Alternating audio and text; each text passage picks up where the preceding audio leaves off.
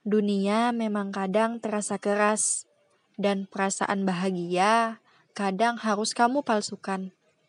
Tapi sesungguhnya banyak manusia yang berhati indah seperti dirimu. Banyak sekali. Please, percaya deh sama aku. Kamu hanya perlu berjuang lebih jauh lagi untuk menemukan banyak sahabat yang akan menghangatkan hatimu.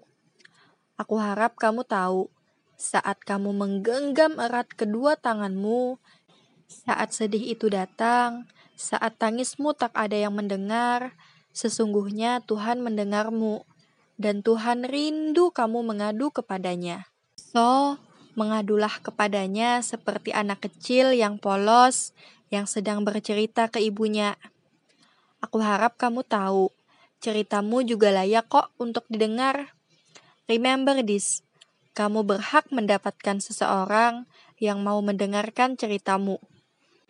Hmm, by the way, aku siap kok mendengarkan ceritamu.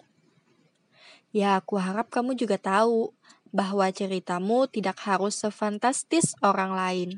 Ceritamu mungkin lebih sederhana, tapi bukan berarti kamu tak bisa bahagia dengan ceritamu. Aku harap kamu tahu, tembok kamarmu bukanlah batas mimpimu. Jalan yang panas dan bising bisa jadi teman sehari-hari bagimu. Tapi indahnya mimpi tentang masa depanmu masih bisa kamu tentukan. Segala perjuangan yang telah kamu lalui membuatmu lebih baik, lebih cerdas, lebih berani, dan lebih berpengalaman dari sebelumnya. Aku harap kamu tahu, perjuanganmu tak akan sia-sia. Kamu mungkin belum melihat hasilnya hari ini, tapi bukan berarti tak ada yang berubah dalam dirimu. Hatimu pelan-pelan menghantam masa lalu ke aliran darahmu, membuat segala kenangan sederhana yang terlupakan kembali bertaut.